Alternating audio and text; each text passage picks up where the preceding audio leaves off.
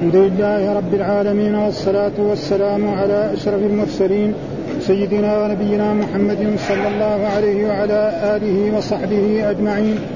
قال الإمام البخاري رحمه الله باب إذا جاءك المؤمنات يبايعنك يبايعنك. قال حدثنا أبو معمر قال حدثنا عبد الوارث قال حدثنا أيوب عن حفصة بنت سيرين عن أم عطية رضي الله عنها قالت بايعنا رسول الله صلى الله عليه وسلم فقرأ علينا أن لا يشركن بالله شيئا ونهانا عن النياحة فقبضت امرأة يدها فقالت أسعدتني فلانة فأريد أن أجزيها فما قال لها النبي صلى الله عليه وسلم شيئا فانطلقت ورجعت فبايعها قال حدثنا عبد الله بن محمد قال حدثنا وهب بن جرير قال حدثنا أبي قال سمعت الزبير عن عكرمة عن ابن عباس في قوله تعالى ولا يعصينك في معروف قال إنما هو شرط شرطه الله للنساء قال حدثنا علي بن عبد الله قال حدثنا سفيان قال الزهري حدثناه قال حدثني أبو إدريس سمع عبادة بن الصامت رضي الله عنه قال كنا عند النبي صلى الله عليه وسلم فقال أتبايعوني على ألا تشركوا بالله شيئا ولا تزنوا ولا ولا تسرقوا وقرأ آية النساء وأكثر له سفيان قرأ الآية فمن وفى منكم فأجره على الله ومن أصاب من ذلك شيئا فأوقب فهو كفارة له ومن أصاب منها شيئا من ذلك فستره الله فهو إلى الله. إن شاء عذبه وإن شاء غفر له. تابعه عبد الرزاق عن معمر في الآية. قال حدثنا محمد بن عبد الرحيم قال حدثنا هارون بن معروف قال حدثنا عبد الله بن وهب. قال وأخبرني ابن جريج أن الحسن بن مسلم أخبره عن طاووس عن ابن عباس رضي الله عنهما قال شهدت الصلاة يوم يوم الفطر مع رسول الله صلى الله عليه وسلم وأبي بكر وعمر وعثمان رضي الله عنهم فكلهم يصليها قبل الخطبة. ثم يخطب بعد فنزل نبي الله صلى الله عليه وسلم فكأني أنظر إليه حين يجلس الرجال بيده. ثم أقبل يشقهم حتى أتى النساء مع بلال. فقال يا أيها النبي إذا جاءك المؤمنات يبايعنك على ألا يشركن بالله شيئا على ألا يشركن بالله شيئا ولا يسرقن ولا يزنين ولا يقتلن أولادهن ولا يأتين ببهتان ولا يأتين ببهتان يفترينه بين أيديهن وأرجلهن. حتى فرغ من الآية كلها ثم قال حين فرغ أنتن على ذلك. وقالت امرأة واحدة لم يجد لم يجده غيرها. نعم يا رسول الله. لا يدري الحسن من هي. قال فتصدقن وبسط بلال ثوبه فجعلن يلقين الفتح والخواتيم في ثوب بلال.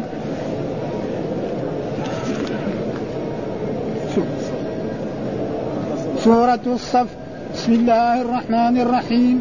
وقال مجاهد من أنصاري إلى الله من يتبعني إلى الله. وقال ابن عباس مرصوص ملصق بعضه إلى بعض. وقال يحيى بالرصاص باب يأتي من بعد اسمه أحمد. قال حدثنا أبو اليمان قال أخبرنا شعيب عن الزهري. قال أخبرني محمد بن جبير بن مطعم عن أبيه رضي الله عنه. قال سمعت رسول الله صلى الله عليه وسلم يقول إن لي أسماء أنا محمد وأنا أحمد وأنا الماحي الذي يمحو الله بالكفر وأنا الحاشر الذي يحشر الناس على قدمي وأنا العاقب.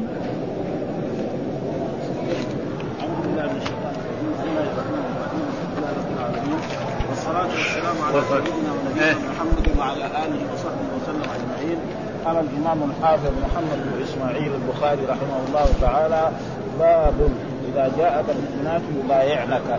وهذه الآية في سورة الصف. إذا جاءك المؤمنات يبايعنك على ألا يشركن بالله شيئا ولا يسرقن ولا يزنين ولا يقتلن أولادهن ولا يأتين ببهتان يفترينه بين أيديهن وأرجلهن ولا يعصينك في معروف فبايعهن واستغفرن الله إن الله غفور رحيم. هذه الآية بكامل فهذه الآية يعني شرحها وتفسيرها يعني شيء بسيط. آه، ذكر الحديث قال حدثنا أبو معمر حدثنا عبد الوارث حدثنا أيوب عن حفصه بنت سيرين عن أم عطية. نعم وهي نسيبة. رضي الله تعالى قالت بايعنا. وضميرنا هذا يعني يكون للرجال وهذا بايعنا. بس يكون عام للرجال. بايعنا رسول الله صلى الله عليه وسلم. فقرأ علينا ألا يشركن بالله. وهي الآية. يعني إذا جاءك يبايعنك على ألا يشركن بالله شيء ولا يسرقن ولا يزنين ولا يقتلن أولادهن ولا يأتين ببهتان يفترين بين أيديهن وأرجلهن ف ألا يشركن بالله. ولا يسرقن ولا يزنين ولا يقتلن أولادهن ولا يأتين ببهتان يفترين بين أيديهم مثلا بأن تروح تزني ها فتأتي بولد ما هو ولد الرجل؟ هذا ولا يعصينك في معروف. المعروف هذا فسروه بعدة تفاسير ومنها يعني بعضهم قال المعروف أنها يعني آه، آه، المعروف أيوه آه قال معروف أن هو النوع فسره بعضهم بالنوع وقيل لا تخلو امرأة بغير ذي محرم. وقيل لا تخمش وجهها ولا تشق جيبا ولا تدعو ويلا ولا تنشد شعرا. يعني هذا هذا معناه المعروف. ها؟ يعصينك في قال لا تنوح النياحة وتعداد محاسن الميت. ها؟ وقيل لا تخلو امرأة بغير ذي محرم. لأنه جاء إذا خلت المرأة بغير محرم. نعم يكون الشيطان هو الثالث. نعم وكذا وفسر بعد لا تخمش وجهها إذا أصيبت مات لها قريب ولا تشق جيبا الجيب معنى الثوب. ها؟ تشق عند المصيب. ولا تدعو ويلا تقول يا ويلاه إذا مات لها قريب ولا تنشد شعرا وقيل الطاعة لله. وقال بعضهم هي الطاعة لله ورسوله وهذا هو الأحسن. ها دائما المعروف كل ما أمر الله به عبادة. ولذلك كنتم خير أمة. تأمرون بالمعروف وتنهون عن المنكر. المعروف كل ما عرفه الشرع. ها كل شيء عرفه الشرع وأمر به فإنه يسمى معروفا. هذا يعني لا مفهوم له. هذا لا مفهوم له هو لا يأمر إلا بالمعروف. إيه إيه لا يعني هنا فسروه بهذا التفسير لكن لما يكون اعم يكون هذا أحسن. والمعروف هنا المقصود يعني الذي وهذا من المعروف. والآن هذا من المعروف لانها تكون عاصية. يعني لا مفهوم له ها؟ إيه؟ ها؟ معروف. هذا ف ولا تخمش وجها وقيل كل أمر فيه رشدهن. وقيل هو عام كل معروف. ها؟ أمر الله به. هذا هو التعريف. ها؟ لذلك يعني هذا يكون إيه؟ أحسن يعني من جهة العدل فقال ونهانا عن النياحه ها النياحه هو تعداد محاسن الميت وندب الميت وفلان من يفعل كذا من فقبضت امرأة يدها ها فقبضت امرأة. وهذه المرأة هي أم عطية ها يعني المرأة هذه جاء التصريح بها في بعض الروايات أنها أم عطية وهي نسيبة ها فقبضت يدها ثم بعد غير قال أسعدتني فلانة. يعني أنا كان مات لي قريب وجاءت واحدة وناحت معي فأنا أريد كذلك مات لها قريب أريد كذلك أن اسعدها ومعلوم أن النياحة كان يعني شيء مشهور حتى في الإسلام الآن. وقد ذكر الرسول صلى الله عليه وسلم أن هذه الأشياء لا تتركها هذه الأمة. ها؟ أربع من أمر الجاهلية لا يترك. ها؟ النياحة على الميت. نعم. والفخر بالأحساب الأنساب والطعن في الأنساب هذا موجود في هذه الأمة سواء كانوا عربا أو عجبا وهذا صدق رسول الله صلى الله عليه وسلم الذي لا ينطق عن الهوى ففلانة أريد أن أجزيها. فما قال لها النبي صلى الله عليه وسلم. قال فانطلقت. يعني فراحت إيه؟ يعني ناحت معها ثم رجعت فبايعت رسول الله صلى الله عليه وسلم. ها؟ أو رخص لها الرسول صلى الله عليه وسلم كما جاء في بعض الروايات أن الرسول رخص لها أن تنوح عنها ويكون هذا رخصه لها. ويكون طيب لأنه في نهي. فيقول النهي يكون في الأول على وجه الكراهة. عشان تنجمع الأحاديث. لأنه إذا كان نهى شيء حرام كيف الرسول يرخص لواحد؟ شوي صعب هذا شوي. ما, ما الأصول الأحكام الشرعية ما ترضى يعني شيء حرام الرسول يرخص واحد يبغى ما يصير. فاذا يعني عشان يجمع بين الأحاديث ذكروا أن النهي الأولاني هذا كان للتنزيل. فإذا كان للتنزيل يصير ما في شيء. آه بعد ذلك بعد ما بايعهن صار حرام. خلاص فيصير إيه؟ هذا يكون غيب وإلا مثلا شيء حرام يرخص فيه الرسول. شوية ما تتناسب مع الأحكام الشرعية ويكون هذا. قال فانطلقت ورجعت فبايعها يعني بعد ما ذهبت وناحت إلى يعني هذا الذي ساعدتها ثم بعد ذلك وهذا. قال وهنا يقول يا إن بني فلان آه، أسعدوني على عمي ولا بد من قضائهن. آه، فأبى قالت فراجعته مرارا فأذن لها ثم آه، ثم لم لم ننح بعد. وأخرج أحمد والطبراني من طريق مصعب بن نوح قال أدركت عجوزا لنا كانت في من بايع رسول الله صلى الله عليه وسلم. قالت فأخذ علينا ألا ننحنا فقالت العجوز يا نبي الله إن ناسا كانوا أسعدوني على مصائب أصابتنا وإنهم قد أصابتهم مصيبة فأنا أريد أن أسعدهم. قال اذهبي فكافئيهم. هذا ها؟ يكون هذا. قالت فانطلقت فكافأتهم. ثم أتت فبايعتهم. وبهذه الأحاديث استدل بعض المالكية على جواز المياح وأن المحرم منها آه، ما كان معه شيء من أفعال الجاهلية من شق جيب أو خمش خد ونحو ذلك والصواب أن المياح حرام مطلقا ومذهب العلماء آه، ومذهب العلماء والجواب الذي هو أحسن الاجوبه أن واخرجها أن يقال أن النهي ورد اولا للتنزيه ثم لما تمت مبايعه النساء ووقع التحريم فيكون الإذن الذي وقع لمن ذكر في الحالة الأولى ثم وقع آه، التحريم وورد الوعيد الشديد في أحاديث كثيرة والله أعلم. فإن كنت في حديث الباب فقبضت يدها وهو يعارض حديث عائشة المذكور قبل هذا وذكرنا ان أن المراد بالقبض التأخر عن القبول جمعا. ها؟ يعني أول ما قبلت ثم حدثنا عبد الله بن محمد حدثنا وهب بن جرير قال حدثنا أبي قال سمعت الزبير عن عكرمة عن ابن عباس قال ولا يعصينك قال إنما هو شرط شرطه الله للنساء. ها شرط شرطه الله للنساء من هذه الشروط الذي هي الموجودة وهو الذي قال هو اللوح وقيل لا تخلو امرأة بغير ذي محرم وقيل لا تخمش وجهها ولا تشق جيبا ولا تدعو ويلا ولا تنشد شعرا وقيل الطاعة لله والرسول وقيل كل أمر فيه رشدهن وقيل هو في كل معروف. ثم ذكر الحديث اللي بعده حدثنا علي بن عبد الله قال حدثنا سفيان قال الزهري حدثناه. قال حدثني أبو إدريس سمع عبادة بن الصامت قال كنا عند النبي صلى الله عليه وسلم فقال أتبايعوني؟ على أن لا تشركوا بالله شيئا ولا تزنوا ولا تسرقوا وقرأ آية النساء. وأكثر لفظ سفيان قرأ الآية. فمن وفى منكن منكم فأجره على الله ومن أصاب من ذلك شيئا فعوقب فهو كفارة له. ومن أصاب منها شيئا من ذلك فستره الله فهو إلى الله إن شاء عذبه وإن شاء غفر له.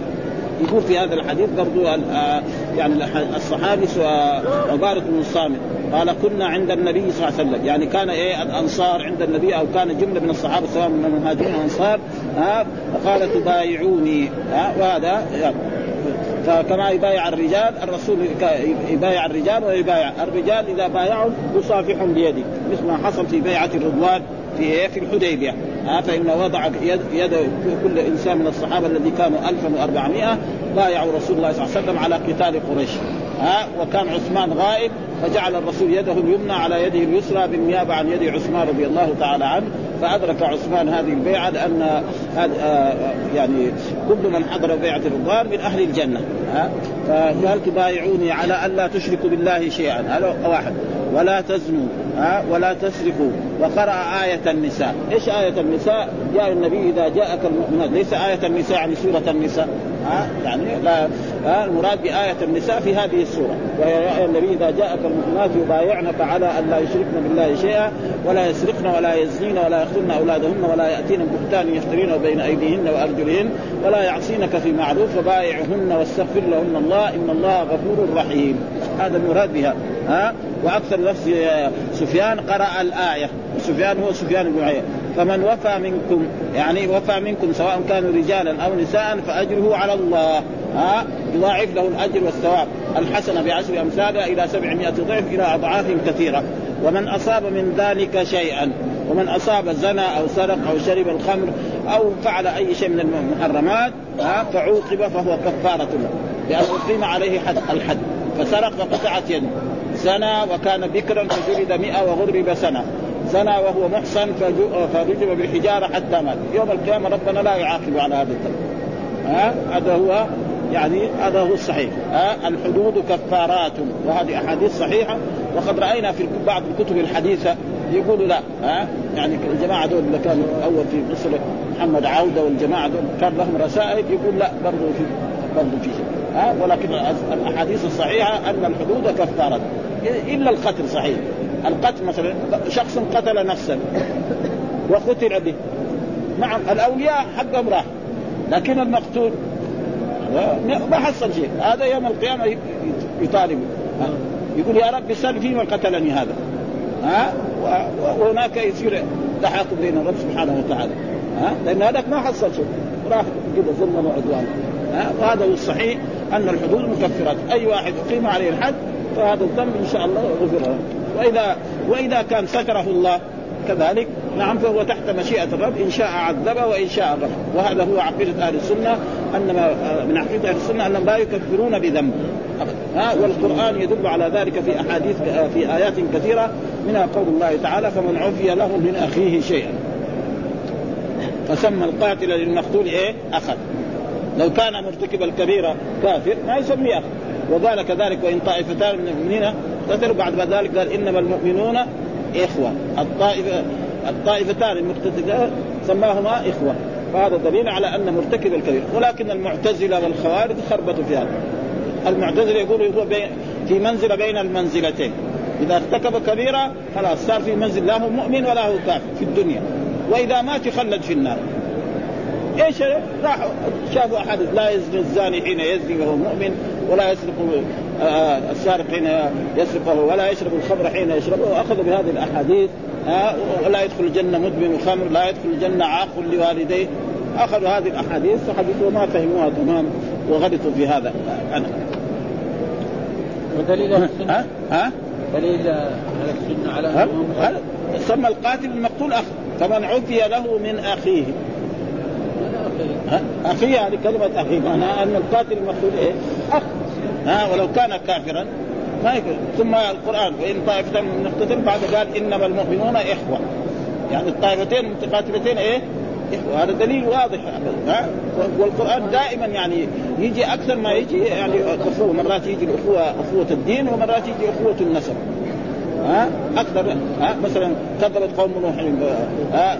ها؟ مثلا أخاهم آه، أخوهم آه، إيش؟ كذبت قوم نوح المرسلين. قال لهم أخوهم نوح. أخوهم نوح إيه؟ أخوهم في النسب هنا ها ابدا ها. أخوهم في النسب ما أخوهم في الايه في الدين. لأن هذول كفار وهذول ها وهذه معلوم كذلك الذين قالوا لإخوانهم وقعدوا. في الآية اللي في السورة الذين قالوا لإخ... الذين قالوا لإخوانهم وقعدوا. المنافقون مع الأنصار من جهة النسب واحد. المنافقون مع الأنصار. لكن قال الذين قالوا لإخوانهم إخوانهم في في النسب. وقعدوا عن إيه؟ خروج إلى أحد. لو أطاعونا ما قتلوا، الله رد قل فادروا عن أنفسكم الموت إن كنتم صادقين، أنتم لا تموتوا. أقعدوا في المدينة باستمرار، الجواب لا. كل واحد يعرف إنه بده يموت. في أي بلد كان، واحد يوم من الأيام لابد يزول الموت. هذا ضروري هذا. ها؟ فلذلك تابع عبد الرزاق عن معمر في الآية. ها؟ ثم ذكر الحديث. حدثنا محمد ابن عبد الرحيم حدثنا هارون ابن معروف حدثنا عبد الله بن وهب قال أخبرنا ابن جريج أن الحسن بن مسلم أخبره عن طاووس عن ابن عباس رضي الله قال شهدت الصلاه يوم الفطر مع رسول الله صلى الله عليه وسلم وأبي بكر وعمر وعثمان رضي فكلهم يصليها قبل الخطبه ثم يخطب فنزل نبي الله. في هذا عن ابن عباس قال شهدت. شهد هنا بمعنى حضر.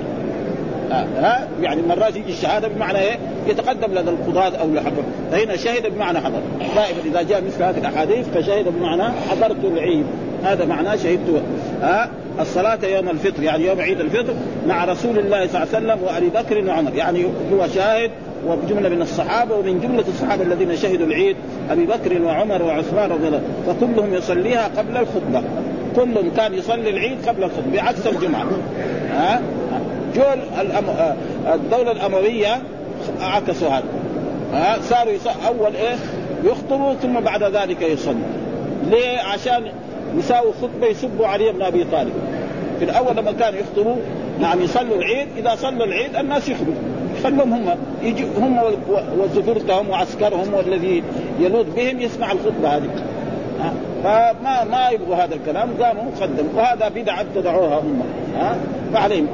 والظاهر الذي فعل هذا فيما أعتقد يعني يمكن يكون يعني من مروان بن الحكم وما بعده حتى جاء علي آه، يعني عمر بن عبد العزيز وأزال ذلك وذاك في ذلك يعني إن الله يأمر بالعدل والإحسان وإيتاء ذي القربى وينهى عن الفحشاء.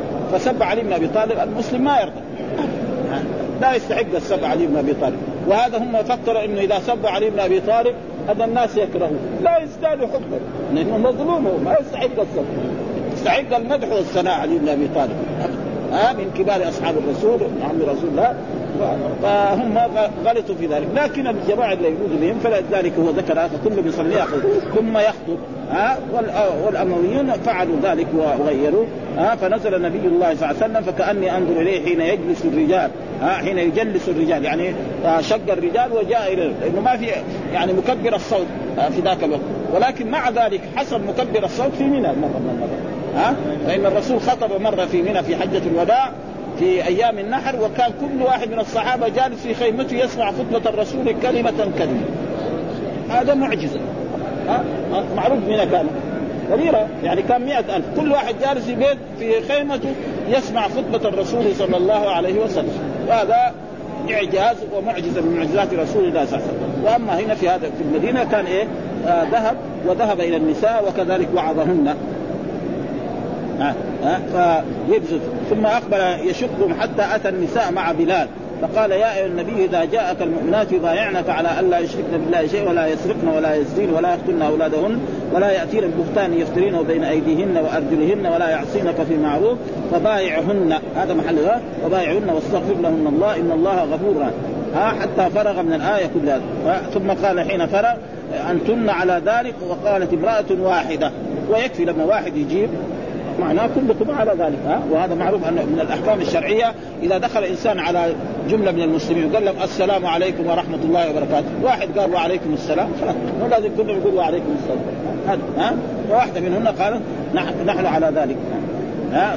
قالت امرأة لم يجب غيرها نعم يا رسول الله ها لا يدري حسن من هي يعني ما يدري وهذا ليس بعيد أن تكون هي أم عطية ها؟ قال فتصدقنا ها؟ ثم أمرهن بالصدقة وفي جاء بعض الروايات انه قال إن كنا تكفرن وقالت امرأة نكفر بالله؟ قال لا تكفرن العشير. لو أحسنت إلى إحداهن الدهر كله ثم رأت منك شيئا قالت ما رأيت خيرا منك قط وهذا شيء مشاهد في النساء ولأجل ذلك قال فبسط يعني آه بلال ثوبه يعني كذا فصار كل واحدة تخرج من خاتمها ومن فتخها وترمي وهذا فيه دليل على أن يعني المرأة يعني تملك. ها؟ لا يعني كالقوانين الوضعية. القوانين الوضعية اللي وضعها الكفار مثلا في فرنسا وفي هذا المراه إذا تزوجت ليس لها أن تتصرف في مالها لكن تتصرف في عرضها. ها؟ تصاحب الشياطين تروح ما ما له شغل لكن مالها ليس لها أن تتصرف. الإسلام لا. ها؟ عرضها محفوظ وما لها تتصرف. ما دام حقها ولذلك القرآن دائما يعني يذكر المال و... وينسب إلى إلى النساء. فلذلك فقال فجعلنا يعني ما شعرت لا أب ولا أم ولا زوج. صارت ندر هذا وترمي. فهذا دليل على أن المرأة لها الملك يلقين الفتخ والخواتم. الفتخ قالوا إيش معنى الفتخ؟ يعني العظام. الخواتيم العظام ومعلوم أن الخواتيم في شيء كبير كده وفي شيء يكون صغير. ها والخواتم. ويمكن غير ذلك. فهذا دليل على أن المرأة تملك و وتتصرف في مالها وأنها لا تشاور. إذا كان يعني بالمعروف يعني أما إذا راحت وزعت جميع مالها هذا حتى الرجل ها يحجر عليه. إذا كان تصرفه سيء فإنه يحجر على الرجل. فكذلك آه فهذا دليل على أن المرأة لها أن تتصرف في مالها ولكن لا تتصرف في عرضها. هذا الإسلام. القوانين الوضعية التي وضعها البشر لا. ها؟ الآن المرأة في أوروبا وفي أي بلاد يعني لو زوجته قالت تصاحب صديقا له ما يقدر الزوج يمنعها. تروح تصاحب تشتري ها يمشي معاه وتمشي معاه. ولكن لو قالت تبغى تتصرف في مالها القانون الوضعي ما ما هذا قوانين وضعية لا لا تصدق ثم ذكر سورة الصف وهي كذلك سورة مدنية. يسبح الله ما في السماوات وما في الأرض وهو العزيز الحكيم. يا أيها الذين آمنوا لم تقولون ما لا تفعلون؟ كبر مقتا عند الله أن تقولوا ما لا تفعلون. إن الله يحب الذين يقاتلون في سبيله صفا كأنهم بنيان مرصوص. آه قال مجاهد آه لم تثبت البسمة إلا لأبي ذر وحده. قال مجاهد من أنصاري إلى الله من يتبعني إلى الله آه وهو عيسى. من انصاره قال يعني آه قال الحواري نحن أنصار الله آمنا بالله قال عيسى آه كما قال عيسى بن مريم من حوارينا من أنصار. وفسر بقوله من يتبعني إلى الله. ها؟ يعني يتبعني يعني معيه عامة ويكون إيه؟ على أمر الرب سبحانه وتعالى يطيع الله ويطيع رسوله صلى الله عليه وسلم زي ما يسمى المعيه الخاصة ها؟ مثل في في آيات في القرآن ثاني اثنين إذ ما في الغار إذ يقول لصاحبه لا تحزن إن الله معنا. يعني معنا بنصره وتأييده وحفظه وكذلك إن الله مع الذين اتقوا والذين هم يعني من جنس هذا الايه وفي رواية من من تبعني إلى الله بلفظ المال وهذا التعليق رواه الحنظلي عن الحجاج انبانا آه، آه، شبابه آه، أنبأنا ورقاء عن أبي نجيح عن المجاهد وقيل بمعنى مع فالمعنى من يضيف نصرته إلى الله ها ويحتمل أن يكون لله وفى وفى الله يعني بمعنى المعيه وقال ابن عباس مرصوص ملصق ملصق. بعضه ببعض. ها؟ مرصوص يعني زي إيه؟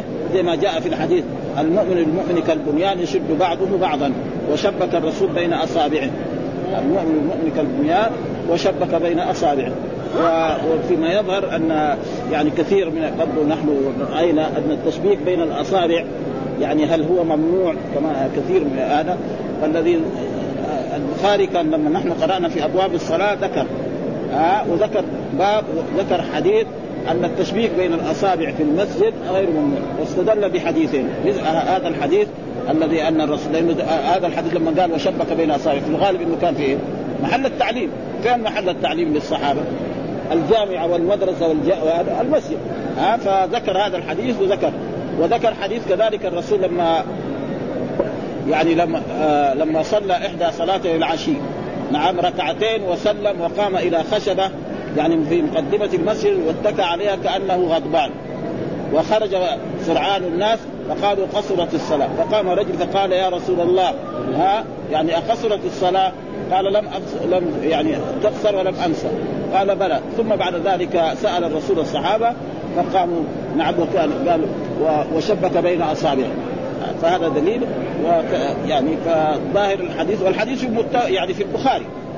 فهناك أحاديث إنه إيه أن الإنسان إذا أتى للصلاة فليمشي بالسكينة والوقار ولا يشبكن بين أصابعه. موجود في يعني شفناه في كتاب اداب المشي للصلاة ولكن هذا أصح وأقوى تقريبا. ها؟ فتشبيك بين الأصابع في المسجد إذا شبك لغرض من الأغراض يعني ما هو يعني لعب لغرض من الأغراض وهذه حديثين يعني في البخاري أن التشبيك بين الأصابع ما وقال غيره بالرصاص. ها إيش قال؟ قال ابن عباس كانهم بنيان اي ملصق بعضهم بعض وفي رواية أبي ذر ملصق بعضه إلى بعض. وروى ابن أبي حاتم من طريق ابن جريج عن عطاء ابن عباس كانهم بنيان مرصوص مثبت لا يزول. أي ملصق بعضه على بعض. وقال غير غير ابن عباس بالرصاص أي ملصق من الرصاص آه بالرصاص آه بالرصاص بفتح الراء وكسرها يعني بالرصاص بالرصاص. وكسرها قال بعضه وقال الكرماني الرصاص بالفتح آه بالفتح والعامة تقول بالكسر قلت ولم يذكره في في دستور اللغة إلا بفتح الراء فقط. فعلى كل حال. ثم ذكر من بعد اسمه أحمد. ها وإذ قال عيسى بن مريم يا بني إسرائيل إني رسول الله إليكم مصدقا لما بين يدي من التوراة ومبشرا برسول يأتي من بعد اسمه أحمد. فلما جاء المؤمنات قالوا هذا سحر مبين. ف... ومبشر بعد اسمه أحمد. من هو أحمد؟ عيسى بشر برسول فكان اليهود وكان النصارى يظن أن هذا الرسول سيكون من إيه؟ من بني إسرائيل. لأن الأنبياء من بني إسرائيل كثيرون. ها مئات يعني. ها يكفي أن الأنبياء كلهم الأنبياء من العرب أربعة أو خمسه بس. ها والأنبياء من بني إسرائيل كثيرون جدا. ولأجل ذلك فظنوا فلما بعث الرسول محمد قالوا لا مو هذا الرسول اللي بشر به عيسى. ها وهذا حسدا ها حسدا ها فإن اسمه يطابق محمد ولذلك قال بشر ياتي بعد فلما جاءهم بالبينات قالوا هذا سحر مبين. هذا محمد سحر وان هذا ليس هو. ها وهم فاهمين لأن التوراة والإنجيل ذكرت هذا وبينت والصفات تنطبق على الرسول محمد صلى الله عليه وسلم ولكن حسدا من عندهم فعلوا ذلك فأخزاهم الله ولذلك يقول في هذه الآية. ثم ذكر حديث أن أن الرسول صلى الله عليه وسلم له أربعة أسماء جاءت في الكتب السماوية المتقدمة يعني في التوراة وفي الإنجيل وفي الزبور وفي غير ذلك من الكتب التي أنزلها الله على أنبيائه. نعم منها أنه اسمه أحمد ومحمد وأحمد والماحي الذي يكون الحاشر. إيش الدليل؟ قال وقد جاء في بعضها قال يعني لأنه هذا الاسم قريب لأنه مثلا قبل الرسول محمد ما في أفراد اسم محمد. كيف جده عبد المطلب راح سماه محمد؟ يقول ما أدري مدحه يقول وشق له من اسمه ليجله. وذو العرش محمود وهذا محمد. يعني تعجبوا الناس لأنه جاء عبد المطلب يسمي ولد ولده محمد. ما في ذاك الوقت ما في إلا عقبة بن معيط وعبد المطلب وعبد العزى. هذه الأسماء المعروفة. هذا إلهام من الرب سبحانه وتعالى. فيسميه محمد. والا ما ما في اسماء زي هذا يقول وشق له اسمه ليجله فذو العرش محمود وهذا محمد. فمحمد يعني. ثم يسمى محمد ويسمى أحمد. ويسمى طيب إيش الدليل؟ قال حدثنا أبو اليمان قال حدثنا شعيب عن الزهري قال أخبرني محمد بن جبير بن مطعم عن ابيه رضي الله قال سمعته يقول يقول أن لي أسماء أنا محمد. يعني الله سماه في الكتب السماوية المتقدم في التوراة والإنجيل وآن وأنا أحمد كذلك ها وأنا الماحي الذي يمحو الله به الكفر. يعني الكفر يعني يضعف أو يذل وأنا الحاشر الذي يحشر الناس على قدره يعني ما في بعد الرسول ما في نبي وتكون القيامة. وأنا العاقب. ها؟ يعني إيه؟ الآخر. يعني ما في نبي بعد الرسول محمد صلى الله عليه وسلم. هذا معناه وقد تقدم هذا في إيه؟ يعني في أبواب تقدمت في صفة إيه؟ النبي صلى الله عليه وسلم. طيب. يعني بس أسماء الرسول بس هذه؟ لا في أسماء غيرها. لكن هذه الأسماء هي التي جاءت في الكتب المتقدمة. يعني في التوراة في الإنجيل في الزبور. فإن دحين مثلا الرسول نسميه مبشر ونسميه منذر. وجاء القرآن يا أيها المدثر ويا أيها المزمن نعم وفي أسماء يعني إيه كمان يعني الناس بالعافية سوا. مثل الاسماء اللي كتبوها قدامنا. ها؟ هذه يعني بالقوة هذه. ها؟ يعني ما ما هي سواء بعضها يمكن. ها؟ لكن على كل حال صارت طيبة لأن أول كانت في أسماء اخس من هذه شركية يعني يعني مغيث كان مدري فشخص من طلبة العلم حقيقي يعني هو كان السبب في إزالتها. ها, وهو الشيخ سليمان حمدان جاء هنا جلس سنة في المدينة وكان السبب وازيلت على كل حال وكان هذا. فعلى كل حال والا له أسماء غير هذا فالناس يعني فلذلك الآن بعد كتب المصاحف كده الله له 99 اسما كمان الرسول لا له 99 اسم. شو شو المشكلة هذه؟ ها؟ ها؟ ها؟ يعني معلش له اسماء لكن كونها لازم تصير 99 يعني فيها صعوبة يعني. ها؟ ولذلك المصاحف الباكستانيه كل فيها هذا فهذه أسماء. اذا هل له أسماء غيرها؟ الجواب له. ها؟ نحن نعرف. ها؟ قول الله تعالى رسلا مبشرين ومنذرين. ويسمى الرسول بشير في القرآن كثير. ها؟ يعني ها؟ نذير. إنما أنت منذر إنما أنت نذير. كثير في القرآن زياده إذا هذا يعني هذا قدم بتخفيف الياء وتشجيع. أي على إثري أو على زماني. وقت قيامي على القدم بظهور علامات الحشر فيه ويحتمل أن يريد وأنا أول المحشورين والعاقب الذي ها الذي يخلف من كان قبله. أي بخير في الخير. فإن قيل أسماء اي صفاته أكثر منها وقيل إنما اقتصر على الموجود في الكتب القديمة المعلومة للأمم السالفة. ها؟ كذلك مثلا المدثر المزمل ها؟ وغير ذلك يمكن. هذا طه وياسين ها؟ طه وياسين إيه؟ وأما طه في كتب هذا مكتوب إنه بمعنى إنسان. كتب التفسير شو معنى يعني؟ ها؟ بمعنى إنسان. ما هو بمعنى الرسول؟ لكن ها ياسين يقول يا رجل كتب التفسير يعني. ثم ذكر سورة الجمعة كذلك وسورة الجمعة كذلك هي كمان سورة يعني الجزء هذا كله سورة مدنية يعني شيء من الغرائب يعني. ها من أو من سورة الحديد يعني إلى سورة التحريم. كلها سور مدنية ولا في سورة مكية. وبعد ذلك تيجي السورة إيه؟ أظن من بعدها ما في كمان السورة المدنية إلى إلى الآخر إلى آخر إلا نهاية في جزء عن كم سورة. هنا يقول في ومر الكلام في ضبط الجمعة ومعناه وفي كتاب الصلاة قال أبو العباس مدنية بلا خلاف وقال نزلت بعد التحريم وقبل التغابن وهي 720 حرفا و180 كلمة وإحدى عشرة آية. ها وبسم الله الرحمن الرحيم يقول لم تثبت البسملة ولا في السورة إلا في رواية. باب قولي وآخرين منهم لما يلحقوا بهم. ها في نفس السورة يسبح لله ما في السماوات وما في الأرض الملك القدوس العزيز الحكيم والذي بعث في الأميين رسولا منهم يتلو عليهم اياته ويزكيهم ويعلمهم الكتاب والحكمة وإن كانوا من قبل لفي ضلال مبين. وآخرين منهم. إيش المراد بآخرين منهم؟ ها هذا يريد هذا. وآخرين منهم فسره بعضهم أن آخرين منهم معناه يعني فارس الفرس. ها؟ وفسره بعضهم مثلا بسلمان الفارسي ومعلوم سلمان الفارسي هذا رجل يعني كان يعني كافرا ومشركا ثم سأل بعض الناس يعني عن دين فتنصر وجد النصرانية خربانة ما اليهودية كذلك. ها ثم بعد ذلك جاء إلى شخص ما قال له هناك يعني يقرب خروج نبي وهذا النبي يكون في جهة في الجهة في, في بلاد العرب. وأخذه بعض العرب وباعوه. ها باعوه من شخص إلى شخص حتى وصلوا به وباعوه لإيه؟ لليهود هنا في المدينة. وأصبح رقيقا عبدا مملوكا. وسمع من هذا فكان لما هاجر الرسول إلى هذه المدينة وكان هو يسمع ان وصل الرسول و وقرأ أن الرسول يقبل الهدية ويأكل منها. وكذلك أنه الصدقة لا يأكل منها ولا يقبل الصدقة.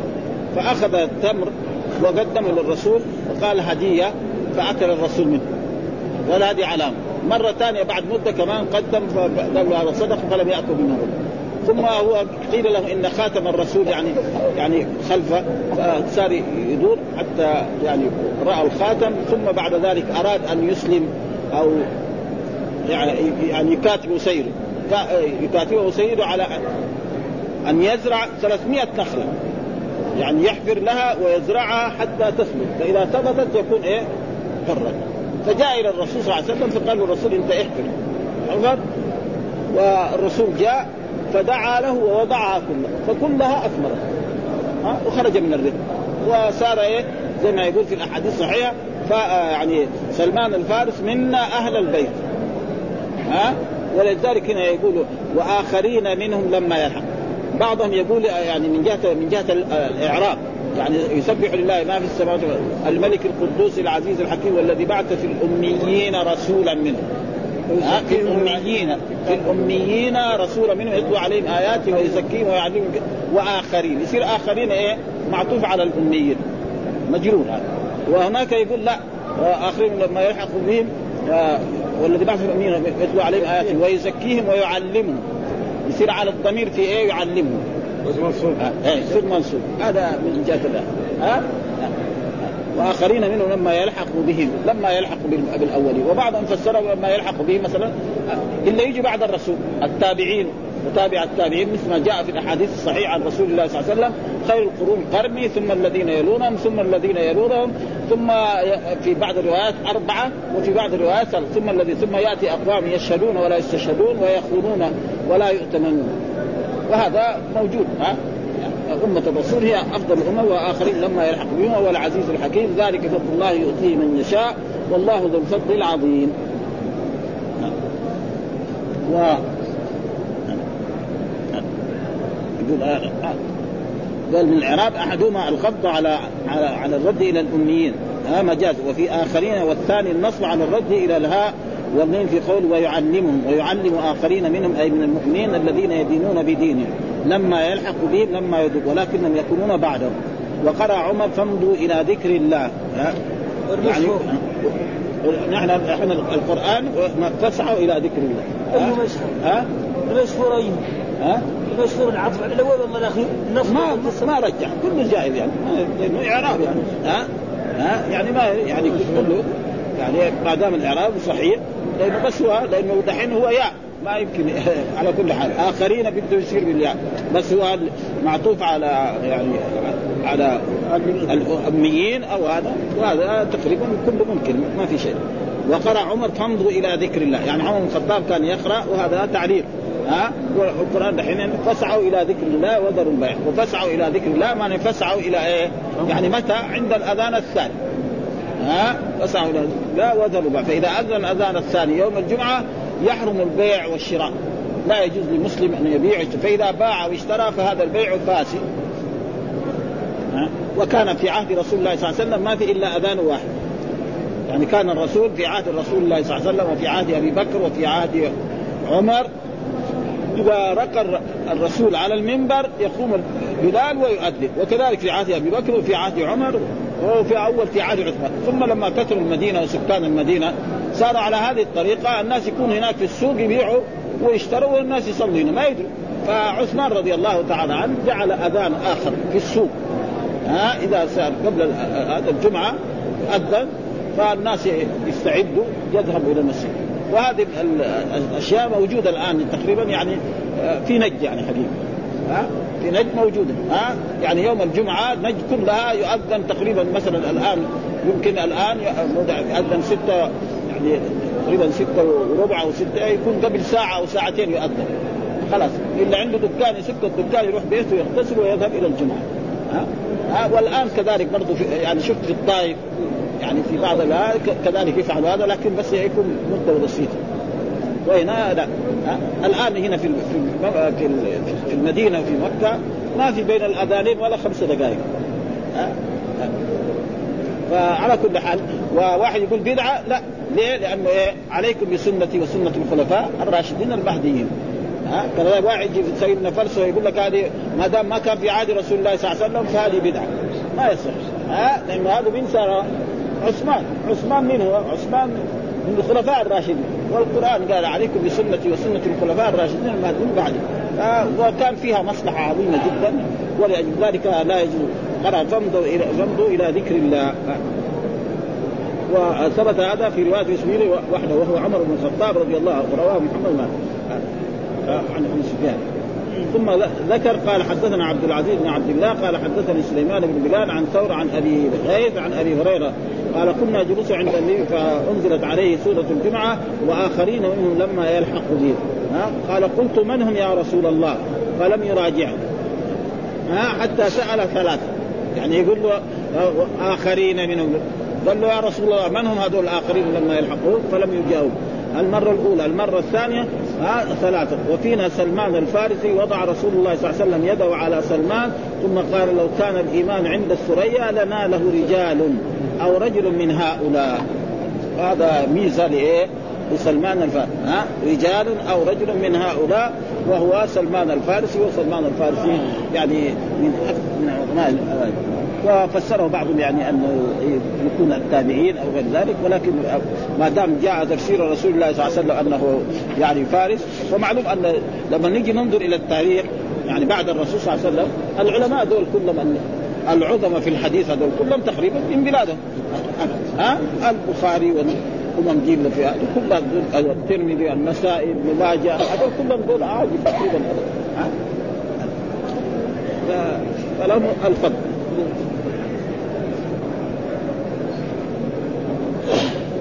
ومن هؤلاء آه، آه، الفرس بقرينة سلمان. وقال الكرماني أي الفرس يعني العجم وفيه نظر لا يخفى. ثم اختلفوا في آخرين فقيل هم التابعون وقيل هم العجم وقيل أبناؤهم وقيل كل من كان بعد الصحابة. وقال أبو جميع من أسلم إلى يوم القيامة. وقال القرطبي أكثر ما قيل فيه أنهم أبناء فارس. بدليل هذا الحديث آه، بدليل هذا الحديث. ورجال رجال من هؤلاء. وقد ظهر ذلك بالعيان فإنهم ظهر فيهم الدين وكثر فيهم العلماء وكان وجودهم كذلك دليلا من أدلة صدقه صلى الله عليه وسلم. ذكر أبو عمرو أبو عمران الفرس من ولد لاوط ابن ساء ابن نوح عليه السلام وذكر علي بن كيسان أن السابه وغير أنه من ولد فارس بن جابر.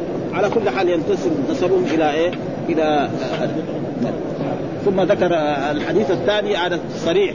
قال حدثنا عبد الله آه ابن عبد الوهاب قال حدثنا عبد العزيز أخبرني ثور عن أبي الغيث عن أبي هريرة عن النبي قال لنا آه آه له آه قال له رجال من هؤلاء. النبي عن النبي صلى الله عليه وسلم. آه لناله لناله رجال من هؤلاء. لناله رجال من هؤلاء. بعدين في الحديث التالي هناك بين لناله رجال من هؤلاء. مين هم؟ يعني من الفرس. فهذا دليل خلاص اذا الرسول فسر فواحد يقول مثلا عجم أو يقول التابعين خلاص تفسير رسول الله صلى الله عليه وسلم ما ما يحتاج هذا. ثم ذكر باب وإذا رأوا تجارة أو لهوا انفضوا إليها وتركوك قائمه قل ما عند الله خير من الله. وإذا رأوا تجارة أو لهوا ها فسره بعضهم وإذا رأوا تجارة ها وإذا رأوا ها يعني انفضوا. وإذا رأوا يعني انفضوا تجارة أو له يعني كان أصله. وإذا رأوا انفضوا تجارة انفضوا لهوا. فحذف يقول واحدة منهم. وهذا معروف كثير يعني لما يجي مثل هذه الأشياء يحدث من من واحد ويبدأ. فيه ما قاله التقدير وإذا رأوا تجارة انفضوا إليها ولهوا انفضوا. وحذف أحدهما لدلالة المذكور عليه. وهذا يعني هذا موجود كثير يعني.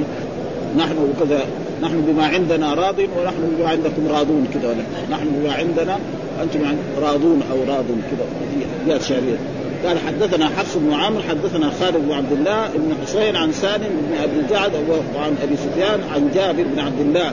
قال أقبلت عير والعير معناه القافلة اللي فيها بضاعة يوم الجمعة ونحن مع النبي صلى الله عليه وسلم. فثار الناس إلا اثنا عشر رجلا فأنزل الله تعالى وإذا رأوا تجارة أو لهوا انفضوا إليها وتركوك قائمة يعني خطيبا. قل ما عند الله خير من الله ومن التجارة والله خير الرازقين إلا اثنا عشر ولأجل ذلك حصل خلاف بين الأئمة. يعني الجمعة بأي عدد تصح؟ هذا الأدلة استدلوا أن الجمعة لا تنعقد بأقل من عشر أشخاص. كذا استدلوا. بعضهم قالوا أربعين. ها بعضهم قال لا ما في ما في أدلة تثبت هذا لأنه ما في أحاديث يعني ها بعضهم حتى يعني كذلك من المشاهد الجدد يقولوا يعني حط ما حط صلاة الجماعة. أبدا من اثنين تصح. كذلك هذا شوية ما في. يعني فيه شوية فيها صعوبه ها فعلى كل حال يعني كونه لو في أحاديث صحيحة كان انتهى الموضوع. فلذلك زي المالكية يرى 12 هذا أقل شيء. الشافعية يرى 40 هذه المذاهب التاريخ ما ما ما أتذكر يعني حنيفة اثنين ها؟ أبو حنيفة اثنين اثنين بس ها؟ اثنين أيضا خلاص كان الشيخ كذلك الشيخ ناصر كان يقول كذا كمان ها؟ ها؟ ها؟ ها؟ لا في إذا انفرد الناس يعني ما في صلاة عير بكسر عين وهي الإبل التي تحمل الميره وثار الناس من ثار يثور اذا آه آه آه. الجمعه كم؟ والله ما على كل حال لازم يكونوا جماعة. ها؟ والذين قالوا 12 ولا قالوا 40 يمكن اصعب لأن الجمعه غير صلاة الجماعة. ها؟ ها فيها خطبة وفيها والحمد لله رب العالمين وصلى الله وسلم على نبينا محمد وعلى جماعة ها؟